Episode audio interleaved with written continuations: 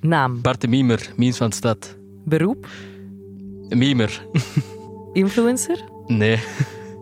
Barok betekent voor mij... Een woord dat ik nooit kon uitleggen op een geschiedenistoets. Geef me een B, geef me een A, geef me een R, geef me een O, geef me een K, geef me een K. Geef me een K. Barok. Barok, de lange 17e eeuw. Jezuïte erfgoed. Bedreigingen. Existentiële vragen. Krulletjes. Italië. Antwerpen. Rubens. Bach. Wacht. Hoe zit dat ook alweer? Ik zou de barok nooit een reactie noemen.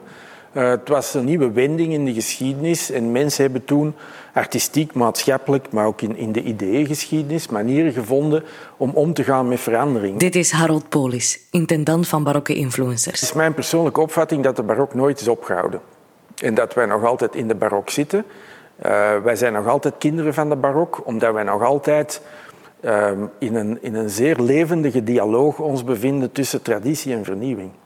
Uh, de Jezuïeten waren in de 17e eeuw op verschillende manieren influencers. Um, door onderwijs, door pastorale zorg. Maar... Dit is Mark de Smet, regionale overste van de Vlaamse en Nederlandse Jezuïeten. Er was die bijzondere manier, namelijk via tekeningen in devotieprenten, in afbeeldingen, waarmee ze eigenlijk mensen konden bereiken die niet uh, konden lezen, maar uiteraard wel beelden bekijken. En zo werden ze echt sterke influencers. De Jezuïeten waren um, ja, ook zeer um, actief. Dit is Bea Cantillon, voorzitter van Uxia VZW, initiatiefnemer van het festival. Het was niet alleen influencen met pracht en praal, influencen met um, kerken, um, influencen met uh, bidprentjes. Um, maar het was ook uh, heel actief bezig zijn om uh, ja, de dagdagelijkse problemen um, wat te verhelpen en te streven naar goed onderwijs bijvoorbeeld, wat zeer belangrijk was. Wat ik wel meeneem uit de studie van de geschiedenis van de Jezuïeten in de 17e eeuw, dan is het ja, het, het feit dat ze heel overtuigd waren van hun gelijk en niet bang waren om die overtuiging te delen met anderen, om in discussie te gaan. En dit is Pierre Delsaart, curator van de centrale tentoonstelling Barokke Influencers, Jezuïeten, Rubens en de kunst van het overtuigen. Zin voor grandeur hadden ze toch ook. Ze hebben Antwerpen, Antwerpen was al een belangrijke, een grote stad, ze hebben ze nog iets groter gemaakt, denk ik. Dit is Barokke Influencers, de podcast. Een reeks naar aanleiding en in aanloop van Barokke Influencers, het festival. Een stadsfestival van traditie en vernieuwing in Antwerpen. Ik ben Anke Verschuren en ik heb een aantal onderwerpen geselecteerd die tegelijkertijd eeuwenoud en brandend actueel zijn. Daarover ga ik in gesprek met invloedrijke persoonlijkheden van vandaag. Wat is barok? Toen en nu? Welke veranderingen heeft de kunst van het overtuigen op 400 jaar ondergaan? En hoe schatplichtig, onbewust misschien, zijn influencers anno 2022 nog aan hun barokke voorgangers? Je luistert naar aflevering 3 over beïnvloeden. Devotieprenten meets memes van stad.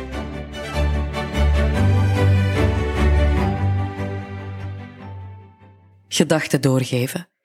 Ideeën verspreiden. Invloedrijk kunnen en durven zijn overtuigen. Dat is een kunst. En de Jezuïeten in de 17e eeuw waren er ontzettend bedreven in, op allerhande manieren.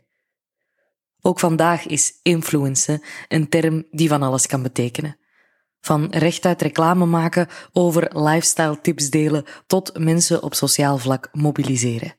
Of aan de hand van humor de sfeer in een stad sharen en via memes maatschappelijke problemen aankaarten. Daar is Instagram-fenomeen Memes van Stad de Antwerpse meester in. Ik creëer eigenlijk um, humor vanuit zoveel verschillende perspectieven op een korte tijd. Dat is eigenlijk uh, memes. Dat is, meme is eigenlijk een inside joke dat, waar dat heel de subcultuur van het internet uh, in mee is. Eens dat je het weet hoe dat het moet, dan, dan kun je letterlijk met alles en nog wat beginnen memen. Bijvoorbeeld uh, de Turnhoutse baan, hoe het leven daar gaat. Een late tram. Zoiets dat, die, elke Antwerpenaar die voor negen uur opstaat, die kent dat. Een Antwerpenaar um, die weet van het moment dat ik de deur uitstap, ik kan deze problemen tegenkomen, ik kan deze tegenkomen, ik kan dat tegenkomen, al die bullshit, maar ik kan zich eraan aanpassen. Ah, mijn tram is te laat, oké, ik kan deze pakken, ik kan dat doen, ik kan dit, of ik weet niet wat. Ietsje minder dan Brussel, maar toch net ietsje meer dan de rest in Vlaanderen. de humor dat ik breng is vaak een weerspiegeling van de samenleving, maar toch nog net niet in het extreme getrokken. Ik denk niet dat dat mij helpt naar de wereld, maar ik denk dat dat eerder voor andere mensen is. Ik heb het geluk dat ik de wereld door heel veel perspectieven kan zien. En ik weet dat er zijn mensen die dat niet hebben. Die dat niet kunnen, die enkel hun perspectief kennen. Um, of van een vriend en dat zit, maar buiten hun leefwereld, die kennen niet, die, die, die, die, die kennen dat niet. Of die zijn te bang om zich in de plaats te zetten van iemand die het vanuit letterlijk helemaal de andere kant gaat bekijken. Ik denk dat ook levenservaring erbij helpt. Hoe dat je je leven hebt geleefd. En als je de, al die ervaring uh, gebruikt en je weet hoe dat bepaalde bevolkingsgroepen gaan zijn, bepaalde, um, bepaalde wijken, bepaalde ja, politici zelfs, hoe dat die gaan reageren op sommige zaken.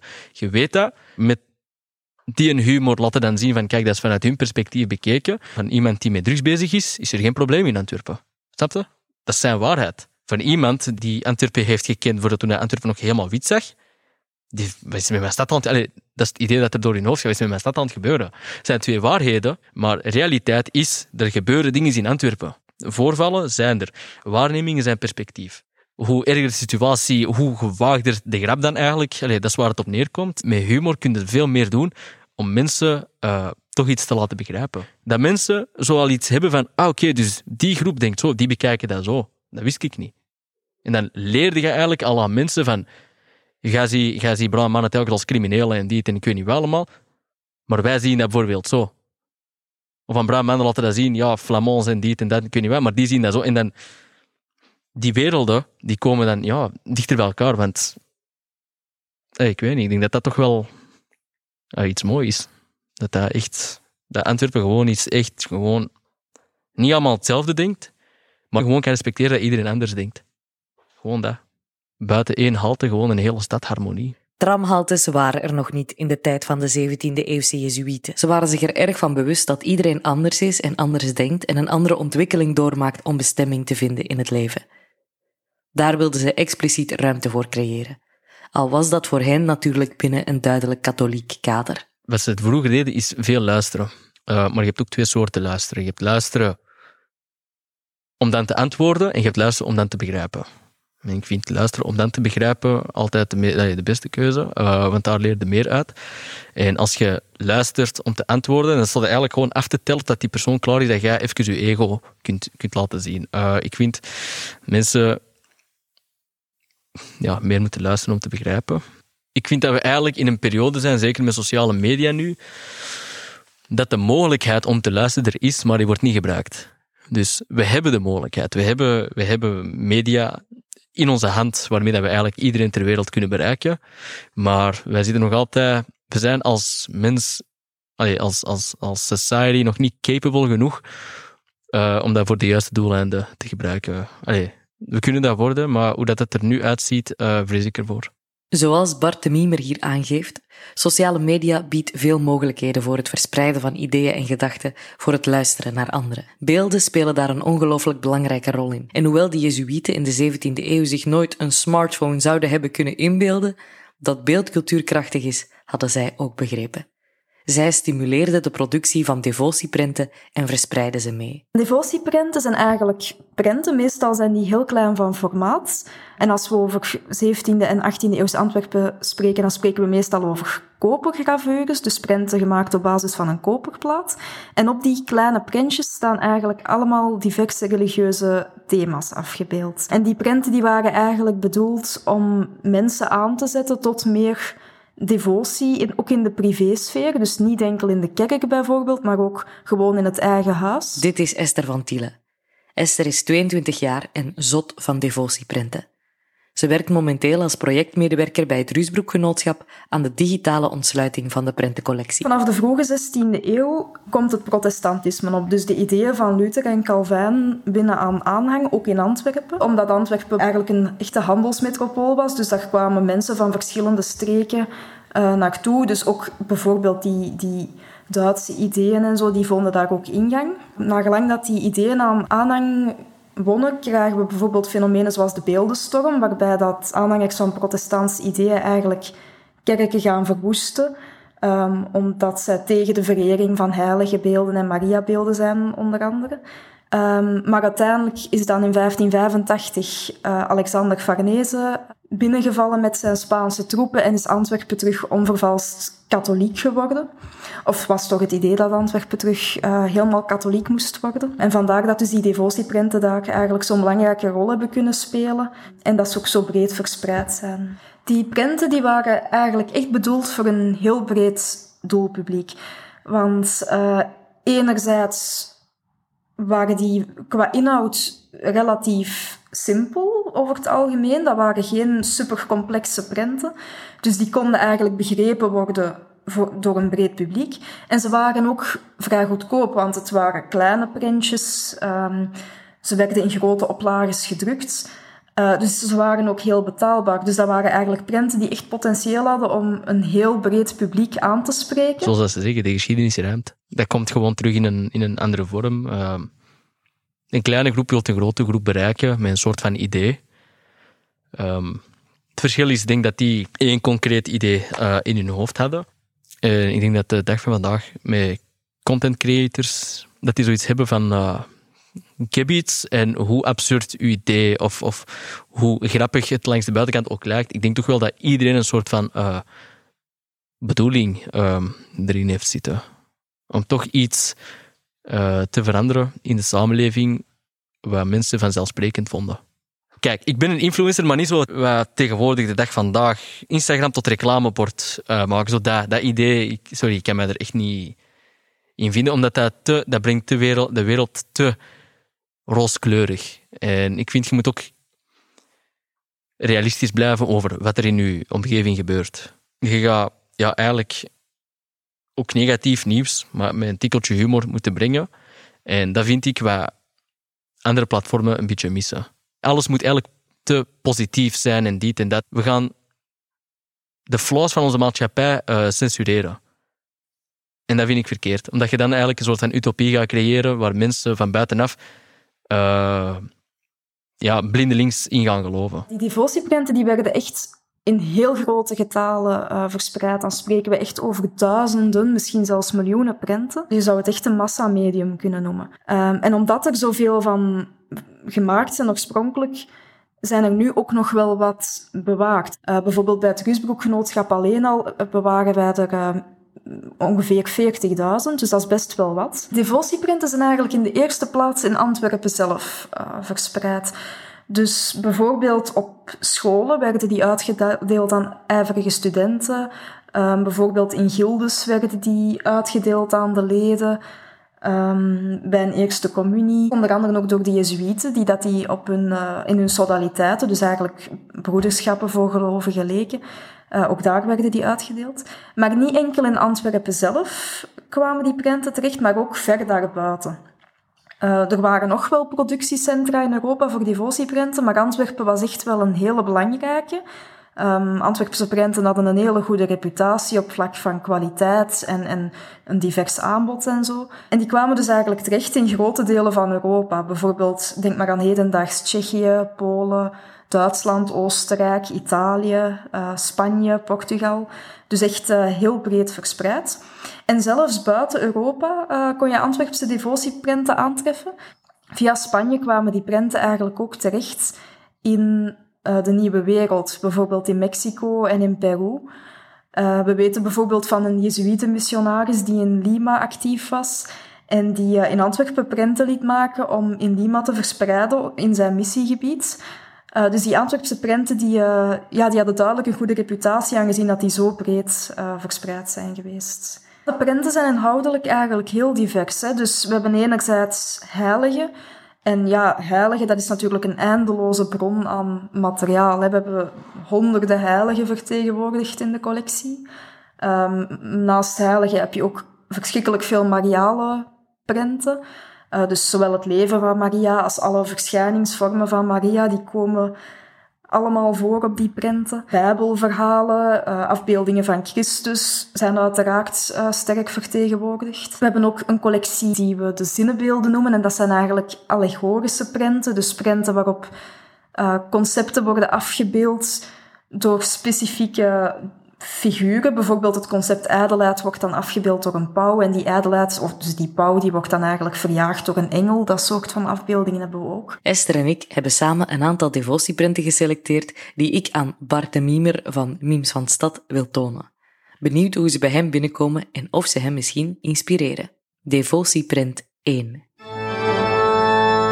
Ik zie ehm, wolken, rook. Uh, ik zie what appears to be brandweer van 400 jaar geleden. Ja, maar wat gaat er doen met emmers of hè? Ik zie ja, mensen duwen, ik zie niemand wijzen. Hé, hey, kijk, dat, dat, dat zijn de kiek. Kijk daar, brand. En gewoon staan. Uh, ik zie een ladder langs de linkerkant. Waarschijnlijk save what you can save. Uh, hebben ze iets verwerkt in de rook? Va vaak doen mensen dat, die verwerken printen in de rook. Deze kerk begonend, of begonend, laar duis, duizend, klaar duizend, 614, dus 1614, oké. Is opgem... Op, maar ik voel mij echt zo eerste leerjaar leren lezen. Is opgemaakt in het laar van 1621. Is het heel binnenste afgebrand. De 18e juli van dit jaar. Wat we hier zien is eigenlijk uh, een dramatisch tafereel dat zich voor heeft gedaan op 18 juli 1718. Um, er was een blikseminslag geweest in de Carolus Borromeuskerk, of eigenlijk wat toen nog de Sint-Ignatiuskerk heette. En die blikseminslag heeft gelukkig het gebouw niet verwoest. Dus te zeggen de brand die door die blikseminslag is, is ontstaan. Maar ze heeft alsnog dramatische gevolgen gehad. Namelijk het interieur van de kerk was um, heel sterk beschadigd. En dat interieur, daar waren onder andere plafondschilderingen van Rubens, um, die eigenlijk verloren zijn gegaan. Uh, dus deze prent herinnert eigenlijk aan, uh, aan dat heel dramatische moment. Het is gewoon een nieuwsbericht over brand. Het is zo'n VRT-logo ergens op plakken. Zo. Ah, dat is uh, de dingen. Um, wat is dat daar? Bij die fontein, waar al die studenten altijd hangen.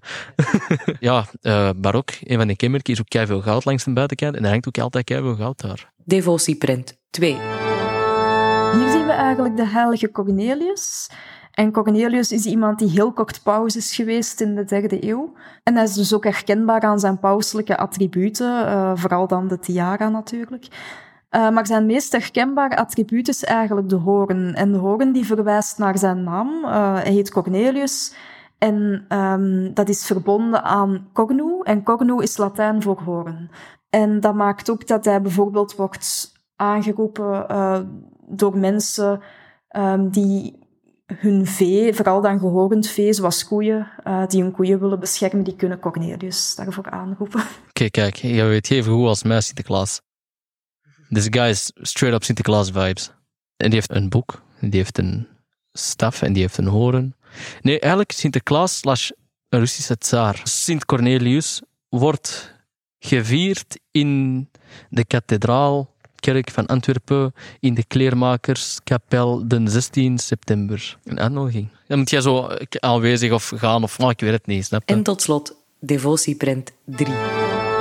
Ik zie engelen die blazen het zeil vooruit. Is dat Maria, zo gezegd? Ik zie eigenlijk een, een, ja, ik zie iets dat it kind of resembles en dan de kribben en baby Jesus en is dat linkerover waarschijnlijk? Of? en hier zien we eigenlijk een print van de vlucht naar Egypte. En het verhaal van de vlucht naar Egypte, dat begint eigenlijk bij de geboorte van Jezus in Bethlehem. En zoals dat de meeste mensen wel zullen weten, gaat het verhaal dat moeder en het pasgeboren kindje bezoek kregen van drie wijzen of koningen. En uh, die wijzen die hadden, voordat ze kwamen, uh, zonder dat ze zelf wisten wat daar de gevolgen van zouden zijn, um, eigenlijk aan koning Herodes verteld dat er een kindje, een heel bijzonder kindje geboren was, waar dat ze naar op zoek waren, en dat dat kindje de koning der Joden zou zijn. Um, en Herodes die, die was daar niet zo blij mee met dat nieuws. En die heeft dan beslist dat dat kindje moest sterven. Dus hij heeft eigenlijk alle kinderen in Bethlehem, alle mannelijke jonge kinderen, uh, laten doden. Uh, maar de heilige familie was op tijd gewaarschuwd door een engel, dus die konden vluchten natuurlijk. En zij zijn dan naar Egypte getrokken. Dus er zijn heel veel prenten waarop dat, dat te zien is, dat de heilige familie met het kleine kindje Jezus um, op de vlucht is. En in Egypte zouden ze dan blijven tot aan de dood van koning Herodes enige tijd later. Vroeger, een grens was door de natuur bepaald. Hier is water of hier is een berg of hier is veel kou en je gaat er niet door. Nu zijn we daar zodanig uh, door geëvolueerd dat we eigenlijk ja, economische grenzen hebben. En that makes today's society. Bijvoorbeeld in, in, in USA, Mexico scenario. En dat echt gewoon miles long uh, woestijn en dan ineens een, een, een hek slash muur van meters hoog. En als je erover nadenkt, de woestijn blijft gewoon hetzelfde. Dat is hetzelfde zand en het is gewoon palitmide, omdat mensen een idee hebben en ah, dat idee is van ons. En als jij komt naar deze idee, als jij probeert gebruik te maken van deze idee zonder uh, de juiste procedure te volgen en ik weet niet wat allemaal, uh, om daar te geraken, ah, dan hebben wij het recht om wapens te gebruiken. Als je, dat, als je er zo over nadenkt, is dat toch absurd? Dat houdt je bezig als mensen, want je weet, migratie, dat is al langer dan dat wij landen hebben. Uh, maar, gewoon de mens die rondtrekt. Ook het idee vaak dat mensen zoiets hebben van, als ik het niet meemaak, zal het niet bestaan. Dat idee van, mijn perspectief is waarheid. Dat is, dat vaak het probleem dat bij mensen, bij mensen leeft. Wat ik heb in mijn hoofd, is hetgeen dat ik ken, omdat ik niet anders heb meegemaakt, dan bestaat dat toch niet. Iemand die geen racisme of, of geen armoedeproblemen heeft meegemaakt, en je probeert dat uit te leggen aan die persoon, die gaat dat niet kunnen vatten, omdat dat idee, dat is iets, dat is zoals dat als dat je een nieuwe kleur probeert uit te leggen.